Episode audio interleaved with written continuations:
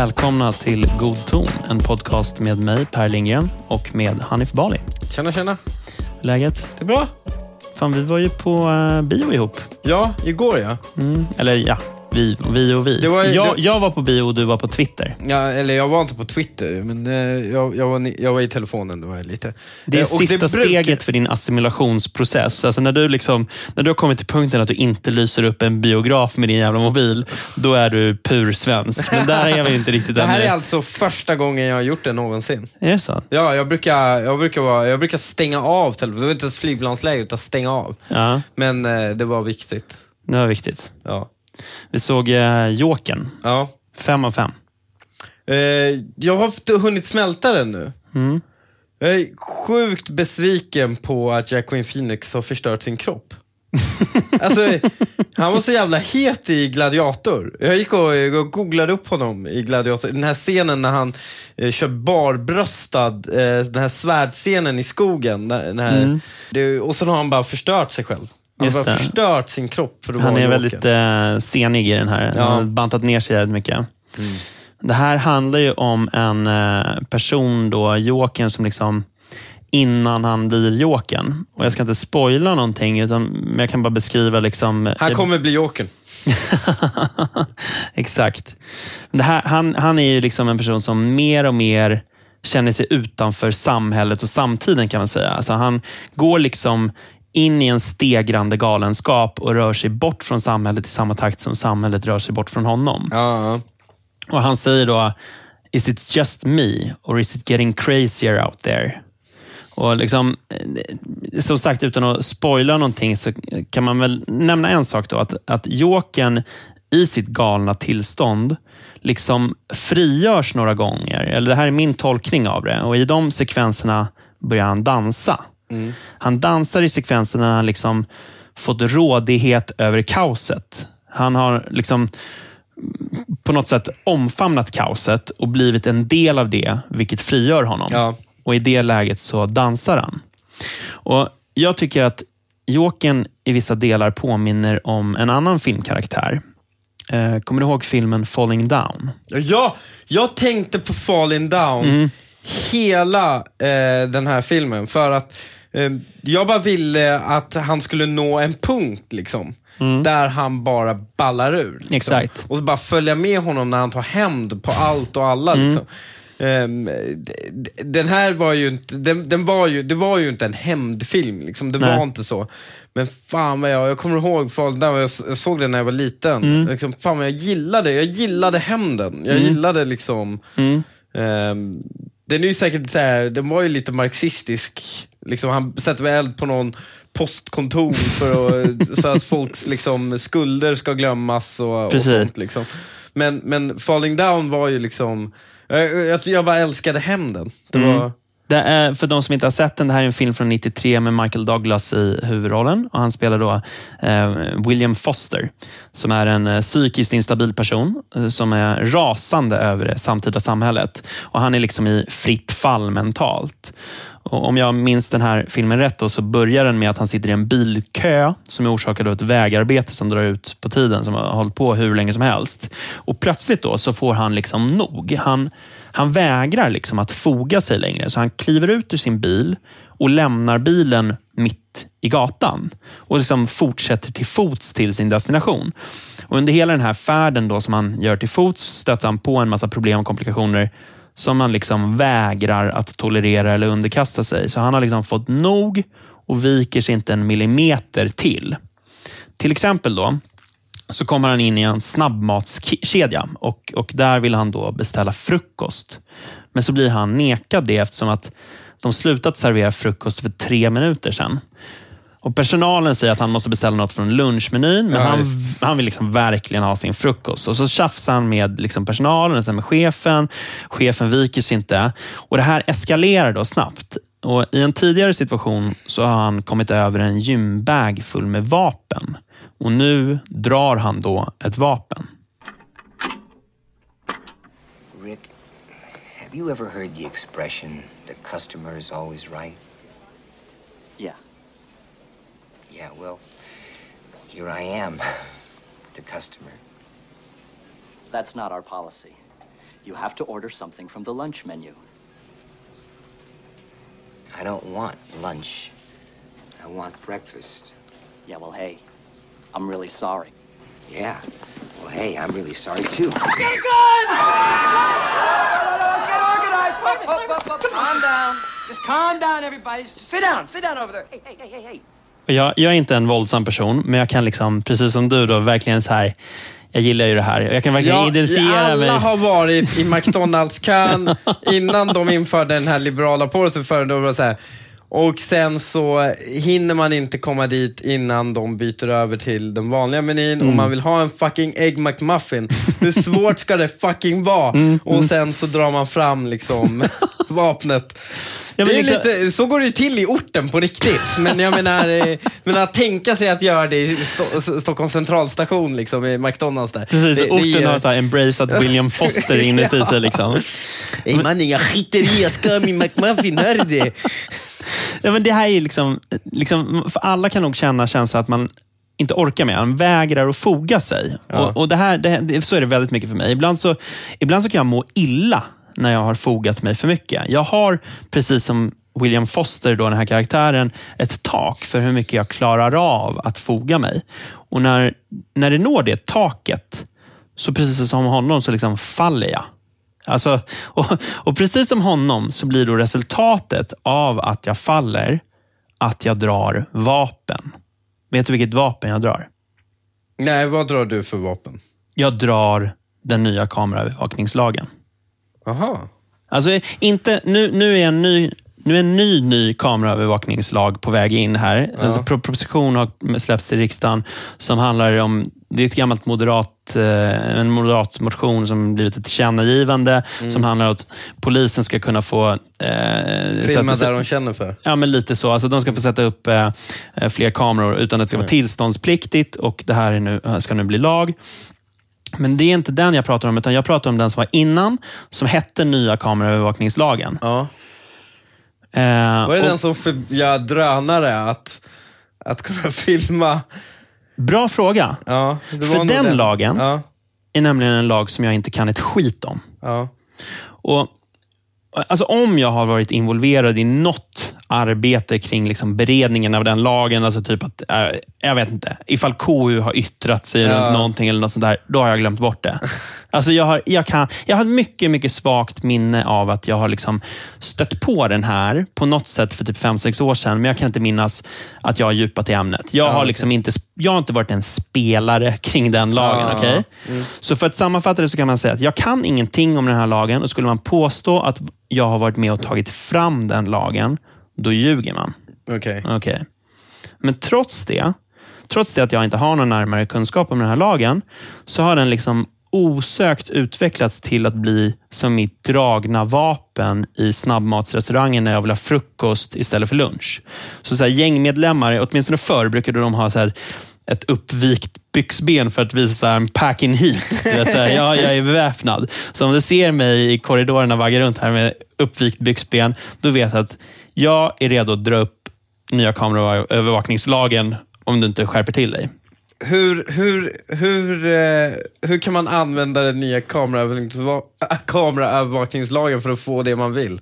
undrar Jag har gjort det tre gånger. Jag har Funkar dragit, det? Jag, ja, det har funkat. Varje gång. Hur då? Första gången jag drog vapen var när jag och min fru hade köpt vår första gemensamma lägenhet. Det var en en och en halva på Kungsholmen som vi ville totalrenovera och göra till en tvåa. Och du är uppväxt i, i Väsby, där det finns ett eh, byggprogram i, i Vilunda gymnasiet, eller hur? Ja, exakt. Alltså, eh, sk- skulle du säga att grabbarna som gick byggprogrammet är de mest pålitliga killarna i skolan som man ger sina hemnycklar till? Nej, det var alla nazister som gick byggprogrammet. Just det. Det var alla nazister som gick byggprogrammet, vill jag bara säga. Jag tror inte det är helt unikt för Väsby. Alltså, kan, Nu är du jätteelak. mot-. Jag känner jättemånga byggarbetare som är jättebra, ja. alltså, Så- som inte är nazister. Hanif Bali, snubben som inte vill att man ska prata om grupper. Okej, okej. Men så här. Eh, det var väldigt många så att säga, som behövde väldigt lång tid på sig för att stabilisera sig. Som Jag gick bygglinjen. så här, om, det här är lite vid sidan av ämnet, men, men alltså de som blir, eh, de som blir barnmorskor. Det är människor med stora hjärtan som talar fromt och månar om sina medmänniskor. De som går byggprogrammet i Vilundaskolan, det är de som kastar snus på så pricktavlor på skolväggarna och har porrbilder som bakgrund på mobilerna. Ja. That's the dudes. Det är de som, när de, de hade en egen korridor, Mm. som, där de inte liksom kom i kontakt med resten av skolan. Nej. Och när de liksom, när de kom, det var ju också, det var ju helvitt. Mm. Det var ju det var ju en vit enklav, liksom. det var inga svartskallar som gick bygglinjen på den tiden. Liksom. Mm. Och då, när de kom över liksom, till Vilunda, alltså upp till, vår del av skola och Mm. typ för, för att käka lunch eller någonting. Man bara såg hur det ba- bara poppade ådror i pannan på dem, för de har inte fått heila på fem minuter. Liksom. Fick springa in i toan och dra av några innan, för att klara av det. Liksom. Ja. Så jag lämnade då nycklarna till vår då dyraste egendom till en sån här eh, före detta Vilunda-elev. Eh, och när de var klara med våldtäkten av vår lägenhet eh, så hängde det en avkapad kabel i hallen som inte hade hängt där tidigare. Och alltså, Vi hade då aldrig bott i lägenheten. Den tidigare ägaren berättade att det aldrig hade hängt någon kabel där. Vi hade liksom varit på visning och vi hade ju reagerat på visningen om liksom vi slår i huvudet till en avklippt kabel. Och De enda som hade vistats i lägenheten var hantverkarna. Och Det visade sig sen att den här kabeln det var den som gav oss internet till lägenheten. Så det var en ganska viktig grej. Liksom. Eh, och Den hade då gått igenom hela lägenheten, bland annat i taket i en vägg som de här hantverkarna hade rivit. Och Under tiden för renoveringen så filmade jag liksom hur bygget fortskred. Så jag, jag hade på film hur det hängde en intakt kabel liksom från taket där Ja. väggen hade stått. Och Därmed så står det ju klart liksom att okej, det är hantverkarna som har kapat den. Det finns ingen annan förklaring. Men så visade det sig att det här företaget hade en jävla skurk-VD. Så han försökte ju då på alla sätt undvika ansvar.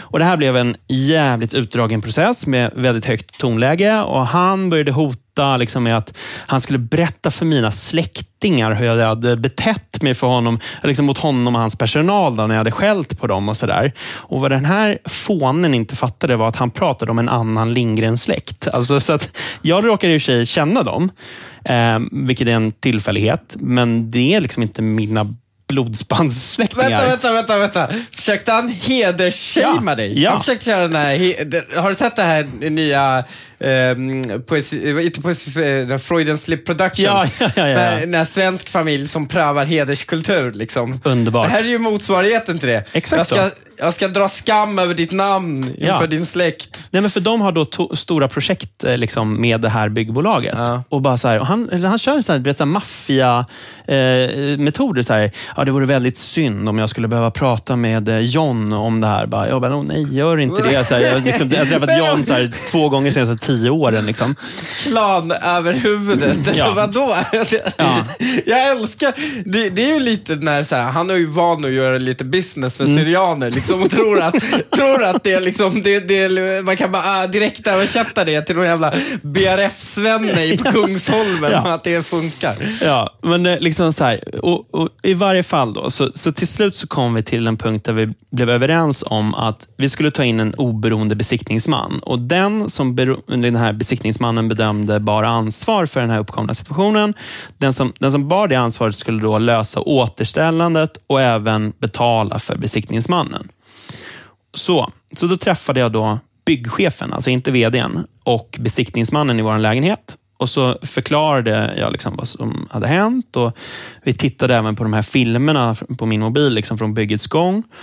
Och eh, Eftersom att jag inte litade på den här skurken till vd så smygfilmade jag det här mötet. Och På det mötet så sa då besiktningsmannen att det inte var något snack om saken, utan det var hantverkarna som hade kapat kabeln och därför så sa då byggchefen typ så här, ja, ja, nej men då är det bara för oss att återställa det och stå kostnader helt enkelt. Och jag bara, golden, liksom, nu har jag det på film. Och så berättade jag då för vdn, bara yes, eh, nu har besiktningsmannen sagt det här och det här. Och naturligtvis så försökte han smita ansvar till och med då. Eh, trots att han hade blivit överbevisad hundra gånger och liksom, trots att han hade ingått en deal om att följa bes vad besiktningsmannen sa. Och, så där. och Då förklarade jag för honom att han skulle liksom överväga hur stor chans han skulle ha i domstol när jag skulle plocka med mig då vittnesmål från tidigare ägaren, besiktningsmannens skriftliga utlåtanden, mina filmer från bryggets liksom, framväxt, och, eh, där man såg då en hel kabel och även liksom, filmen på när hans byggchef tar ansvar för det som har hänt, plus skriftliga överenskommelsen om att vi skulle följa följa besiktningsmannens ord. Och Tillbaka så fick jag någon slags försök till akademiskt sms som lät som där, du vet, när heroinister pratar på juridiska. Liksom så här, ja, vet, ja, de, har, ja. de har Va- spenderat så mycket tid i rättssalar så de Ja. bara så här, använder för svåra ord som de inte riktigt grejar. I liksom. mean your honor. Ja, du vet, så här, han var då det ej är tillåtet att utan annans godkännande fin filma honom eller henne kommer en polisanmälan att upprättas. Här Hanif, här nådde vi min gräns. Alltså, jag visste att det var skurkbolaget som hade kapat kabeln. Och liksom allt talade emot dem, men ändå så höll den här jävla vdn på att krångla. Ja. Här drog jag vapen. Yeah. Well, hey, I'm really sorry too. Up, up, up. Calm down. Just calm down, everybody. Just sit down. Sit down over there. Hey. Jag svarade, jag är jurist och har bland mycket annat ansvar för framtagandet av den nya kameraövervakningslagen. Jag får filma precis vem jag vill i mitt hem med eller utan den personens medgivande. Och jag ljög ju. Alltså, jag hade inte ett ansvar för den för fem jävla korvöre. Och, och jag visste inte vad jag pratade om. Men, du har rätt. Men jag fick ju min frukost. Ja, ja, för den här skurk han såg ju motvilligt till att kabeln drogs och stod kostnaderna för besiktningsmannen. Alltså får jag bara, får jag bara säga en sak? Mm. Det här med att dra en jävla LAN-kabel. Mm. Det kostar alltså mindre än att ha någon jävla besiktningsman, en byggchefs Mm. arbetstid. Alltså, det, det kostar ju ingenting att dra en jävla LAN-kabel. Varför har de tjafsat för? Nej, jag vet, men det var, det var en situation där vi inte visste säkert om den behövde dras nerifrån källaren av någon jävla anledning. Men Och varför hade kan de inte skarva den Ja, men precis, det, var det, de, det var det det visade sig att de kunde, men det var inte glasklart att de kunde det. Alltså, Aha. och, och hade det blivit det, det första, då hade det kostat sjukt mycket. Ja, ja, absolut. Ja. Men du kan skarva är Ja, ja, ja, precis. Och det var det som sen hände. Mm. All right, det var första situationen. Andra situationen när jag drog vapen, är då, det, det, det har sin bakgrund i att det här är skamligt, men jag är, jag är blåljuskåt. Ja. Alltså, inte ambulanser, för det är bara tragiskt, men poliser. Alltså, det är människor som jag som skapar tittköer i andra filen när någon blir stannad för fortkörning. Ja, alltså, det är jag som Jag är den här avskyvärda massan som tittar på när polisen brottar ner någon. Mm. Men gott folk, sluta hyckla. Alla gillar det här. Alltså, varför kollar man annars på Efterlyst? Alltså, alla de här produktionerna. Varför klickar folk på liksom nyhetsklipp om folk, ingripanden och sådär? Varför, är, varför är Beck den enda filmen i Sverige som inte är nedlagd? Liksom? Exakt, exakt. Och, eh, alltså, i, åtminstone alla killar gillar det. Min, min eh, fru hon föraktar mitt intresse. Men jag menar att skillnaden mellan mig och den genomsnittliga snubben är att jag inte gömmer min kärlek till blåljus och eh, eller såna här ingripanden. Liksom. Det finns en person som är värre än jag på den här punkten och vi kan kalla honom Adam, för jag är inte helt säker på att han vill skylta med sin perverterade blåljuskärlek. Eh, han och jag brukar alltid skicka sms till varandra när något händer i vår stadsdel. Vi bor nära varandra och så brukar vi gå ut och titta. Det var bara för några veckor sedan som vi hade eh, ett par över på middag. Och eh, Den här middagen den avbröts liksom för att jag tog med mig den här manliga gästen och sprang ner då till Adam och tittade på ett polisingripande för att jag hade fått sms från honom. Liksom. Och Tyvärr så missade jag och, och vår gäst det här dramat. Då. Vi såg bara en krockad bil. Men det hade varit liksom en skitdramatisk biljakt där de hade prejat en bil. Åh, och grejer. fan, ja, visst. Oj, Och det, här, alltså så här, vet, det kom på eh, nyheterna sen och grejer. Mm. Och eh, Adam, han var liksom andfådd när vi kom dit. Men han hade liksom inte sprungit. Så det, det var bara liksom av, av att stå och titta så fick han sånt adrenalinpåslag. Liksom. Ja. Ja, och en dag så hade jag och min fru varit eh, på en längre eh, fredags-AV och jag hade druckit jävligt mycket. Så det var liksom hög tid att avrunda. Och så kom vi till våran port och där då, på gatan, som två skimrande julklappar under julgranen på julaftonsmorgon, så står det alltså tvärs över gatan två polisbilar med blinkande blåljus. På ena står det YB, yttre befäl. Åh, ja. Ja, Det är pornografi. Ja. Och Jag gjorde ju vad varje människa utan större självaktning gör i den situationen. Jag tog fram min kamera och Nej. filmade i en panorerande rörelse. Och så sa jag, från Per till Adam, det här händer alltså utanför min dörr nu. Och när jag liksom hade panorerat med kameran, 45 grader. Alltså, observera, jag började filma när jag inte var någon ute. Liksom. Då kommer jag till en port och därut kliver polisen. Och de har då kopplat grepp på en person som de leder ut. Och alltså så här, kanske lite på grund av alkoholen, jag vet inte. Men jag väljer att fortsätta filma Oh. och känner hur pulsen rusar. Alltså det är ju patetiskt på många sätt och vis. Men det är också den bästa filmen jag kan ge till Adam. Ja, jag förstår. Han kommer ju bli så lycklig, tänker jag. Men eh, det där är ju så... Polis, särskilt poliser tycker ju inte om när man filmar. Nej, polisen blev inte lika lycklig som Adam. Nej. Det som hände var att en kvinnlig polis skrek “Ta mobilen!” Och så liksom vis, viker då en, en, en, eh, stor snubbe, en polis, han viker av och går i min riktning. Alltså, Nu jävlar. ja, jag hade 300 i puls. Alltså jag var livrädd. Och Jag insåg att det här liksom det här kan sluta inte så fördelaktigt för mig. Jag var liksom packad också. Så här, ska jag åka på någon så här jävla lob? ja, exakt. Alltså så här, Gummiparagraf, det är vad det är. Ja. fan. Den, har man, den har man inte gjort för att medelklassen ska bli drabbad av. Liksom.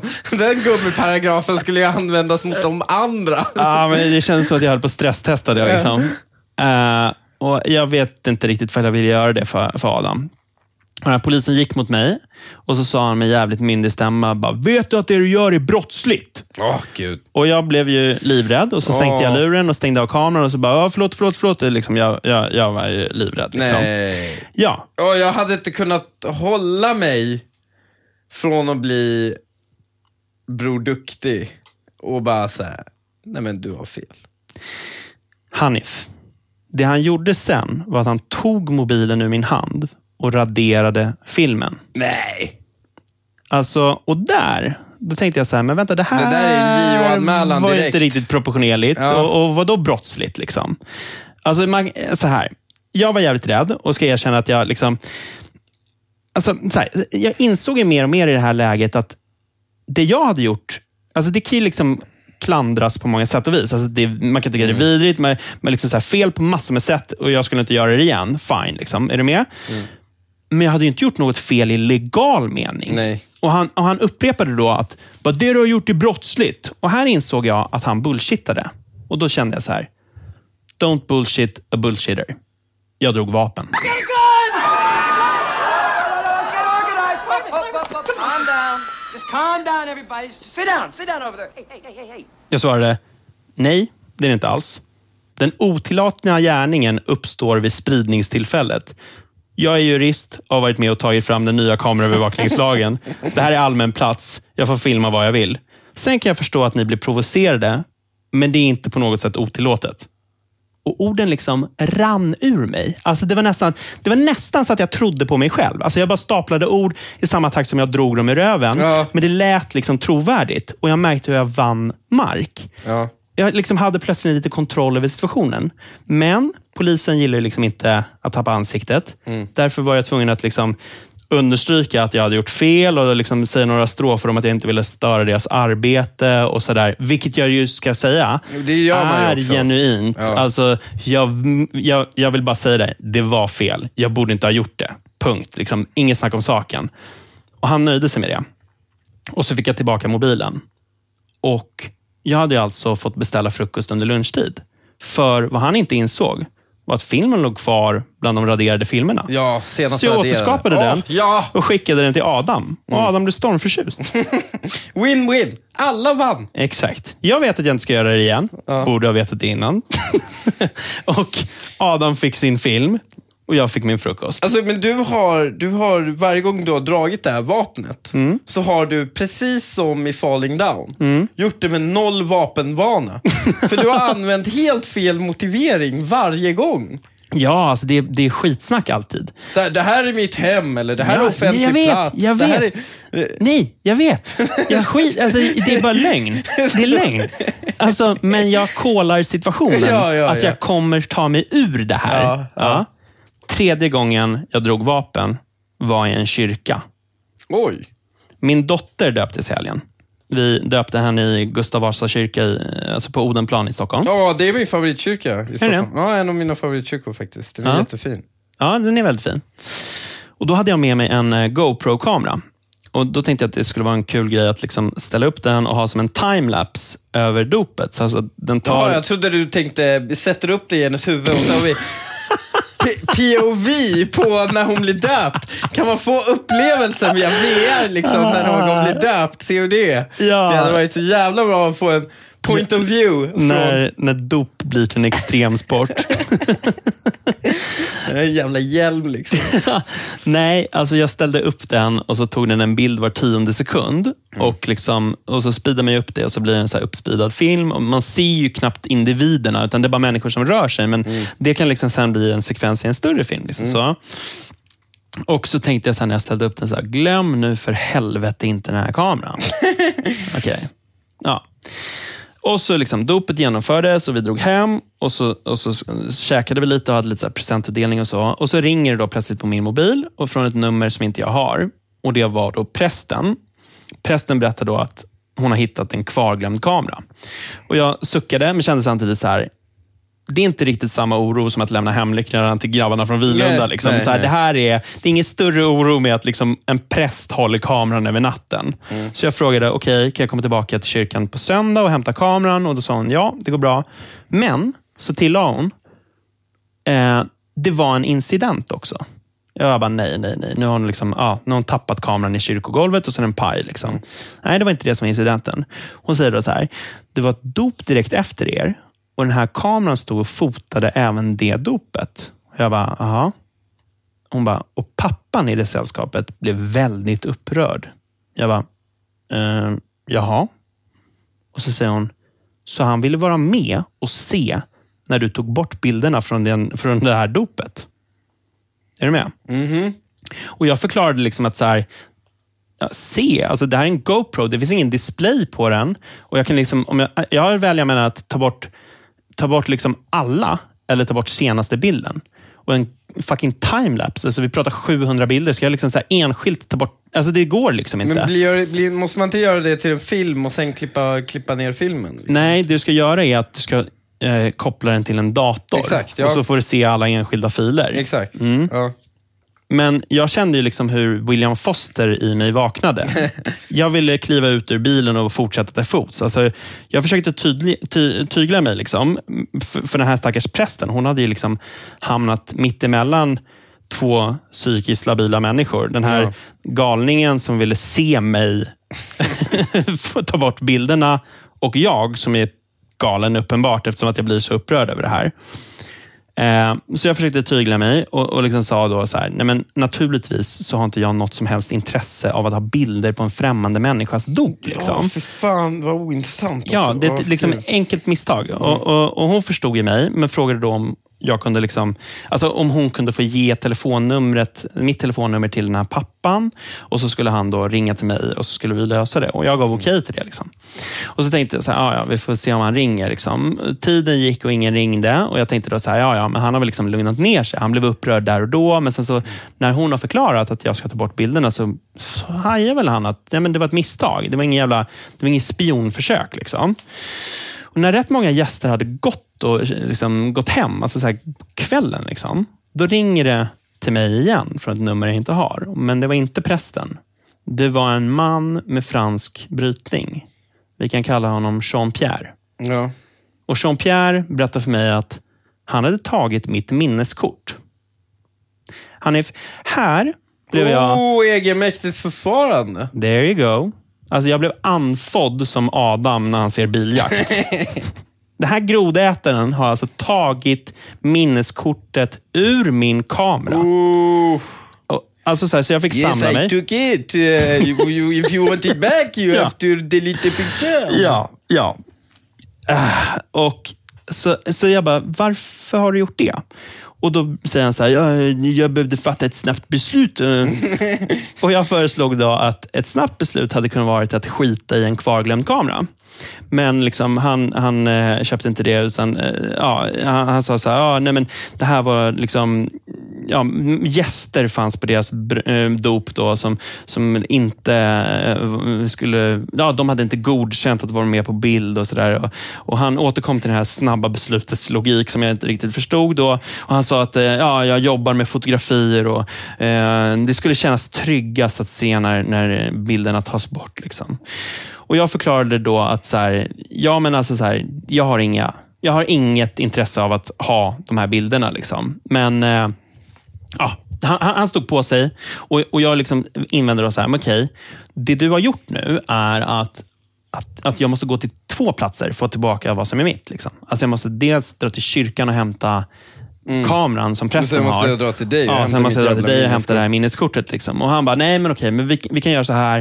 Eh, eftersom jag jobbar med foton och så där så har jag adapter och eh, dator och allt sånt där. Så jag tar med mig min dator och adapter till kyrkan och så ses vi där på måndag.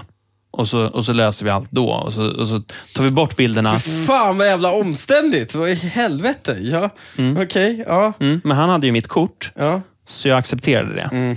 Ja, men det gnagde i mig. Ja. Alltså, jag ville inte beställa något från lunchmenyn. Jag ville beställa frukost. Ja. Mm. Och, och att då låta någon slags bohemisk fotograf-fransos diktera villkoren. Några jävla papperslösa vänner som inte kan vara med på eh, foto, är det det som är Ja, men jag grejen? vet inte, Ja. jag vet inte och jag skiter i det. Alltså, han dikterar villkoren för, för återlämnandet av vad som är mitt. Och Det var här då jag började fundera på så här, just det du sa. att fan inte det här fråga om egenmäktigt förfarande. Han har olovligen tagit vad som är mitt utan intention att behålla det. Och Sen så då, senare så har en polare som tidigare varit högt uppsatt domare, han viftade bort det där och sa äh, jag hade friat. Men då tänkte jag så här, ja ja. Men Det det är för att han är sylt... ja, men jag kände så här, ja, okej. Det här, det här bohemen, han vet ju inte om det. Och jag vägrar liksom att kuvas under hans villkor. Måndag. Jag kommer tidigt till kyrkan. Så att jag liksom först kan hämta ut min kamera så att jag kan rikta allt fokus till minneskortet. Mm. Och så funderar jag på så här, hur ska jag få kortet i min hand? Alltså jag pallar inte liksom en jävla brottningsmatch. Och så började jag tänka så här, okej, ska jag ha någon plan för det här? Nej, men jag insåg så här, nej, det går inte att ha en spe- specifik plan. Jag behöver improvisera. Liksom. Efter ett tag dök, Jean, äh, dök han, eh, Jean-Pierre upp då. Och han var tillfreds. Han, han såg ut som att han trodde att han skulle få beställa frukost. ja, ja, ja. Men jag hade andra planer. Min klocka stod på tre minuter in på lunchtid. Jean-Pierre han föreslog att vi skulle slå oss ner vid några bord och stolar. Så att han liksom kunde fälla upp sin dator och sådär. Så inledde han med så här, jag hoppas du förstår att eh, det är inte så att jag misstror dig. Och då tittade jag honom djupt i ögonen och så svarade jag ganska irriterat så här, hur ska jag förstå det då? Och då liksom insåg han så här, att okej, den här snubben är inte helt nöjd. eh, Han blev lite ställd av att liksom, jag inte svarade så här härligt och, och vänligt. Liksom. Ja, men du vet, och så förklarade han att ah, många gäster på dopet och de har inte gått med på att vara på bild. Jada, jada. Vi diskuterade det här fram och tillbaka lite igen. Under tiden så förberedde han datorn och så lade han fram minneskortet på bordet och då tog jag chansen. Då tog jag minneskortet och så tog jag upp det och låtsades som att jag liksom Alltså som att anledningen var för att jag skulle prata om minneskortet. Okay? Så jag tar upp minneskortet och säger, på det här kortet har jag semesterbilder, bilder från min dotters dop och bilder från ett dop jag inte har någon som helst relation till. Du måste ju inse att jag kommer ta bort de bilderna som jag inte har någon relation till. De tar ju bara plats för mig. Och liksom ändå då så stod han på sig, men nu hade jag ju fått kortet i min hand, så nu hade jag liksom kontroll där. Eh, och Han sa att ah, nej, men jag måste se när bilderna tas bort och de ska inte få fötter. Och Det här diskuterade vi fram och tillbaka tills jag då tröttnade på diskussionen. Och Då sa jag så här. Vad du har gjort är att du olovligen har tagit ett kort som tillhör mig. Du har i den delen gjort dig skyldig till ett tillgreppsbrott som heter egen, egenmäktigt förfarande. Och Utöver det så har du trots att jag har sagt att jag ska ta bort bilderna, villkorat återlämnandet med att du ska sitta bredvid och se på när jag tar bort bilderna som att du var min pappa. Och Det är en förolämpning. Och det är liksom, Därmed så kan jag inte gå med på det. Och här då försökte han bullshitta. Och Då började han liksom prata om att den här kameran att den hade varit liksom som kameraövervakning av deras dop och att det Ja. var illegalt. Ja, alltså jag tänkte på det när du sa det. Fasta installationer av kameror räknas ju som eh, det, men jag tror inte en GoPro räknas som det. Jag menar ju att det inte finns uppsåt till det. Oavsett, Exakt. oavsett, oavsett vilket, så insåg jag så här, det här är en snubbe som vi inte vet vad han pratar om. Nej. Det här är en snubbe som försöker bullshitta. Han försöker också dra vapen. Ja, Då måste man bara stö- dra ett större vapen. bring a bigger gun. Ja. I Guds hus drog jag vapen. Let's get organized. Up, up, up, up. Calm down. Just calm down, everybody. Sit down. Sit down over there. Hey, hey, hey, hey. Jag sa, nej, det är inte ens samma sak. Jag är jurist och har arbetat med att ta fram den nya kameraövervakningslagen, som vid det här laget är fan inte ny. Alltså. Ja, jag bara, det där var en kvarglömd kamera. Det fanns inget uppsåt till att fota ditt dop. Däremot har du med uppsåt tagit vad som är mitt. Det som kommer hända nu är att jag kommer ta min kamera och mitt minneskort och gå härifrån. Det är vad som kommer hända. Och Jag hoppas att du är nöjd med dop- dopet i övrigt. Och så liksom reser jag mig upp och ser hans förvånade blick liksom när han inser att han inte ska få någon frukost. och så sa han till mig att jag skulle ha bättre koll på min kamerautrustning liksom, eh, sådär, framöver. Och Jag svarade inte på det, utan lämnade kyrkan i tystnad. En vanlig dag hade jag varit irriterad över regnet. Den här dagen fotade jag hur vackert det guldfärgade eftermiddagsljuset bröts i dropparna över Barnhusbron. Sen dansade jag hemåt. Det är fullfjädrat bråk i Bonnierkoncernen. Har du sett det? Nej, vadå? Berätta. Det är eh, Dagens Industris ledarsida Mm. ehm, och Dagens Nyheters Mhm. ehm, ledarsida har hamnat i luven på varandra. Jag håller på Dagens Industri. Ja, det gör man ju automatiskt. eh, Men det är ju, för att eh, det har blivit bråk om skattepolitiken och eh, det Dagens Industri konstaterar är ju att DN inte har någon skatt, alltså DN har ingen linje. Alltså en av de viktigaste frågorna när det kommer till ekonomisk politik har Dagens Nyheter ingen linje. De, de, liksom, de tycker det som håller SD ute är bra. Just det. Och det är ju där det kritiken liksom och konflikten kokar ner till för att Dagens Industri konstaterar att SD har närmat sig bor- borgarnas skattepolitik. Och då har Dagens Nyheter gått i taket. Och det här kokar ju ner till vad Dagens Nyheter har för politiska linjer och de människorna som skriver där. Amanda Sokolnicki som har tagit över som, som, som, som chef på, på eh, den ledarsidan eh, och även de tidigare personerna som har skrivit på Dagens Nyheter. Det stora problemet de har är ju att de inte kan politik. Det här är du? människor som på sin höjd, alltså det mest, så att säga, det mest politiska så här, sammanhang de känner till, det är när de satt i elevrådet hela sin skolgång. För det är exakt sådana typer av människor det är. Och de tror ju också att du bara plockar på dig några principer och sen kan du härleda allting ur det. Och det är därför de också är så himla dåliga på ekonomisk politik. För att ekonomisk politik bygger ju på jättemånga variabler. Du kan inte bara fungera axiomatiskt i, i, i liksom, det är bara, bara de extrema nyliberalerna som kan. Men världen är komplex. Liksom, ja, men när du ska sänka skatter, ska du börja med marginaleffekterna först eller ska du ha breda skattesänkningar? Ska du ge det till dem med lägre inkomster? Ska du, eh, liksom, vad blir konsumtionseffekten om du lägger upp konsumtion eller sparande eller kapital whatever? jättemycket variabler och de klarar ju inte av att bena ut det för de har ju bara lärt sig att du tar en princip, de kan typ fyra, fem principer och sen så härleder de allting i världen ur detta. Och är det någon fråga de är lite osäkra på, då tittar de bara, vem är den onda i rummet? Just det. Och sen tycker vi tvärtom. Precis. Det som vi tror är dåligt för det onda i rummet, så tycker vi tvärtom. Den här politiska motsvarigheten till, liksom, vad skulle grannen tycka? Det är liksom Dagens Nyheters linje. Och, eh, det här får ju väldigt många konstiga effekter om det är så att man är totalt jävla ointresserad och obildad över hur världen ser ut. Och också helt inkapabel att ta in nyanser. Då blir man Dagens Nyheters ledarsida. För att det, det, det, det, det senaste artikeln är ju då som Amanda Sokolnicki har skrivit och hon har gjort det fler gånger. Är ju det är en enda sång, flera tusen tecken lång. Du vet den här, ehm, eh, jag var med på SVT Debatt några år sedan. Jag var en tanig kille, det var jag och sen var det Björn Söder som Just skulle just debattera. Och då lät det så här. problem Men det heller. här handlar, Att- att- det här handlar om barn! Det här handlar om barn! Du pratar om...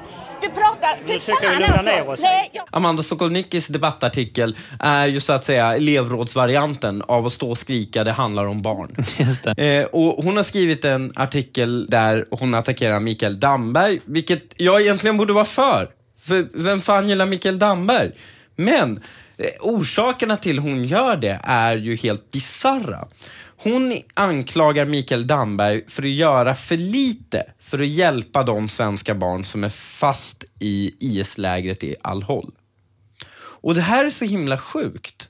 För jag har aldrig sett en ledarsida från Dagens Nyheter som kräver till exempel att man åker och hämtar barnen som är fast bortgifta i Kurdistan. Nej. Men jag har aldrig sett en ledarsida från Dagens Nyheter som kräver att regeringen agerar för att få hem barnen som är skickade på uppfostringsresor i Somalia. Det är bara här. Och det är också det, det är ju jävligt enkelt när det kommer till de som är uppfostringsresor i Somalia eller i Kur- bortgifta till sina kusiner i Kurdistan. Liksom. Det, det spelar ingen roll. Det här är ju skitenkelt. Och här är ju problemet... Vadå, vad menar du skitenkelt? Det, det, finns, det finns inga problem att plocka hit dem. Det finns inga som helst problem med att bara åka dit, ta dem och flyga hit dem. Eh, ja, alltså så här, vadå? det finns väl säkert Det är vissa legala problem. att göra ja, men det, finns det. väl vissa legala problem i vi, eh, hur, vilka skulle åka och hämta dem och eh, alltså så att, här, att det, liksom för det är poliser ett eller logistiskt problem. Ja, precis. Men alltså, så här, alltså för poliser och, eller militärer eller vad det nu är, att verka inom ett, en annan nations Men- område. Det, är- det är ett logistiskt problem. Ja, ja alltså jag, jag, jag håller med dig Ja, i sak men- att det går säkert att lösa det, men det är inte, Ja. det är inte, det är inte helt... Nej, det är skitlätt.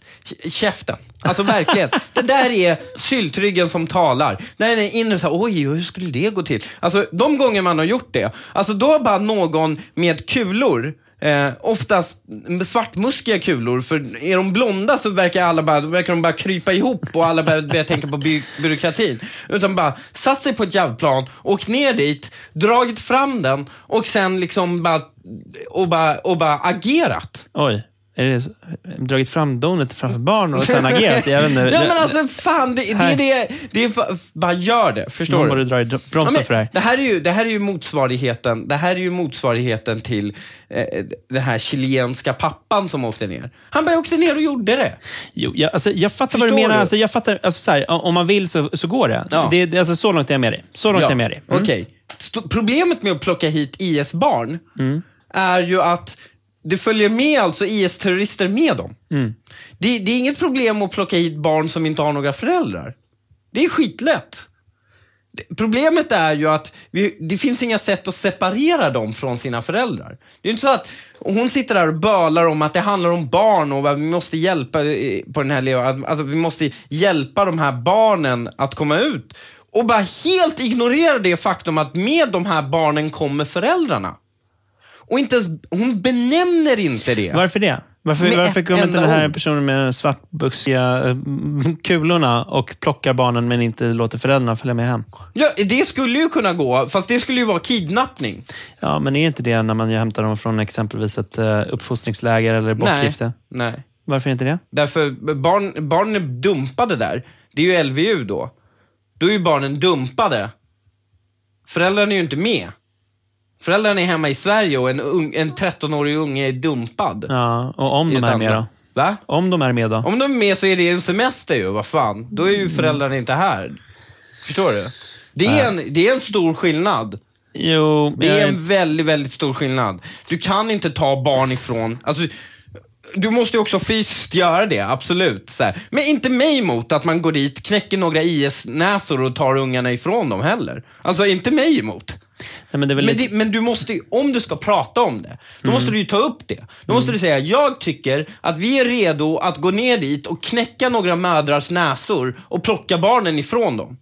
Och då måste man ha också kul att skriva det. Men du kan inte skriva en hel debattartikel som säger det handlar om barn och sen helt ignorera det faktum att det finns andra variabler med i Nej, spelet. nej, men precis. Alltså så, här, eh, så långt är jag med dig att hon, Amanda skulle inte vara beredd att liksom göra den typen av drastiska åtgärder, man ska säga, att bara plocka barnen. Och det, är Ja. inte det, det är inte det som är förslaget från henne, utan det är ett ogenomtänkt förslag at best. Ja, så de tycker att ja, barnen ska få komma hit och då får barnen, med barnen kommer föräldrarna Ja. och med den föräldern så är det en omgift förälder till en algerisk IS-terrorist och den algeriska IS-terroristen har fyra egna jävla barn och en tredje fru och allt det där och sen så g- har du ju direkt i liksom, import av IS-terrorister som har noll anknytning till Sverige på grund av en unge. Det är en variabel som inte existerar i hennes värld och vi har pratat om det här tidigare på podden. Men det som är intressant, eh, varför jag inte kan kalla henne för populist.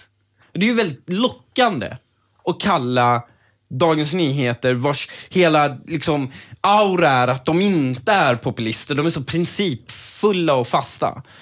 Och det, det kan man inte göra, för en populist, den ser ett komplext problem och sen så erbjuder den en enkel lösning på det. Just det. Ja. Den här människan ser inte ens att det är ett komplext problem. Den ser inte variablerna. Det, enda då, det, det är ju inte definitionen av en populist då. Det här är en fanatiker. Det är ju fanatism att tro att världen är bara skitenkel. Och allting är bara ett moraliskt val mellan ont och gott. Och jag är god och bara man gör det goda så är det liksom lätt och enkelt och rätt. Det här är ju ingenting annat än fanati. Och precis som alla fanatiker så avkräver de ju också, det är ju inte så att de själva är redo att göra någonting, utan de tar ju strypgrepp på den andra för att frälsa dem. Och det är Dagens Nyheters, det vill påstå att det är den, Dagens Nyheter är den mest fanatiska ledarsidan vi har i, i Sverige. För den är helt oförmögen, trots sitt, den här chimären av å ena sidan och andra sidanism, så är ju den absolut mest oförmögna ledarsidan att kunna se fler variabler än den godhet och ondhet. Och, och det är det som det kokar ner till, men jag blir så himla arg på mig själv. Över. Men alltså, här sitter jag och klagar på Dagens Nyheter och försöker förklara varför de har fel och jag har gjort det i dialog med de här människorna hur länge som helst. Men alltså, till slut måste man ju ställa sig frågan, vem är det som egentligen är idioten? Om du lägger timmar, år och tid på att förklara för en anka att den har fel. Vem är det som är idioten?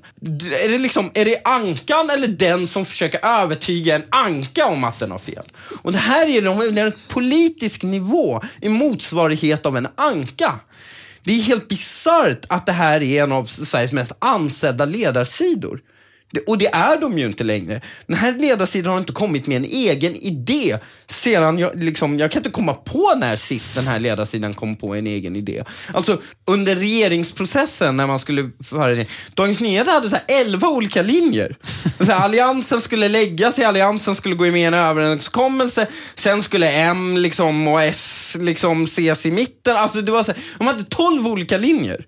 Och Det är ju för att de har ingen jävla aning. De bara tittar och, och liksom fanatiskt oroliga över vad grannen ska tycka och that's it. Det är den linjen som skulle göra deras anseende hos grannen mest liksom, eh, skulle skada minst deras anseende hos grannen. Det är någon form av liksom, munblåsrökande elevrådsskrud. Men vad, vad tycker du om DNs ledarsida då? Ja. Jag, jag, jag tycker bara att det, det, det är helt bisarrt faktiskt att det här inte tas upp. Ja. Det är så, den intellektuella nivån i det här landet är noll.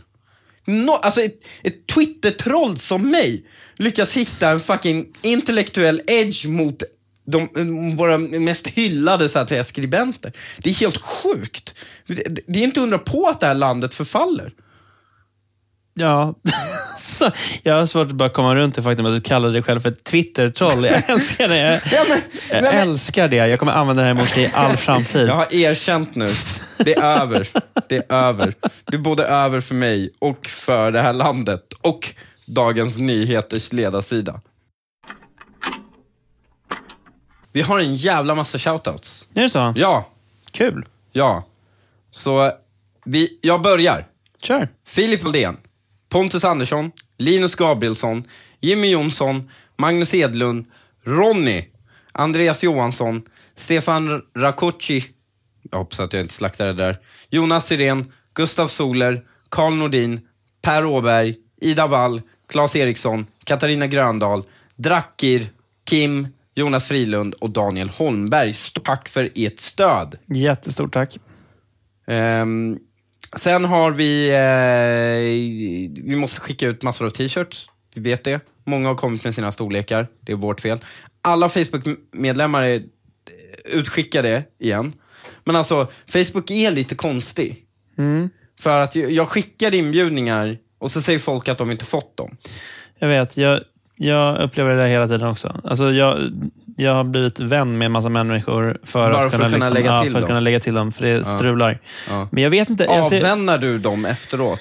Nej, det har jag faktiskt inte Det, gjort. här, det är helt ohållbart om du, om du ska... Ja, men grejen är att så här, förut så var min Facebook, jag beskrev liksom mitt, fi, mitt, min, min filterbubbla som ett bonsai-träd där varje liksom gren som stack ut så bara klippte jag bort den. Så här. Jag ville Ja. bara ha liktänkande. Jag, Ja. var, jag, var, jag, var, jag, var, liksom, jag ville inte ha en massa, en massa motstånd. Mm. Eh, men nu har jag bara släppt lös det. Nu är det en vildvuxen syrenhäck. Jag förstår.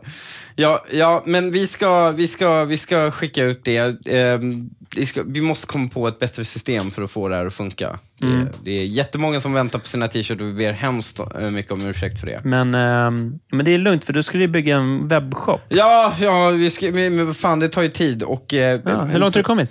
Ehm, inte jättelångt. Men problemet var, vi var ju i kontakt med några som skulle göra det åt oss. Ja. Men nu har de har ju dragit sig ur. Ja. Alltså inte att göra själva webbshoppen, utan bara hantera all logistik och sånt. Så istället för att vi behöver stå här och packa påsar och skicka ut t-shirts, liksom, för det är vad vi faktiskt behöver göra, så, eh, så liksom hade de gjort det.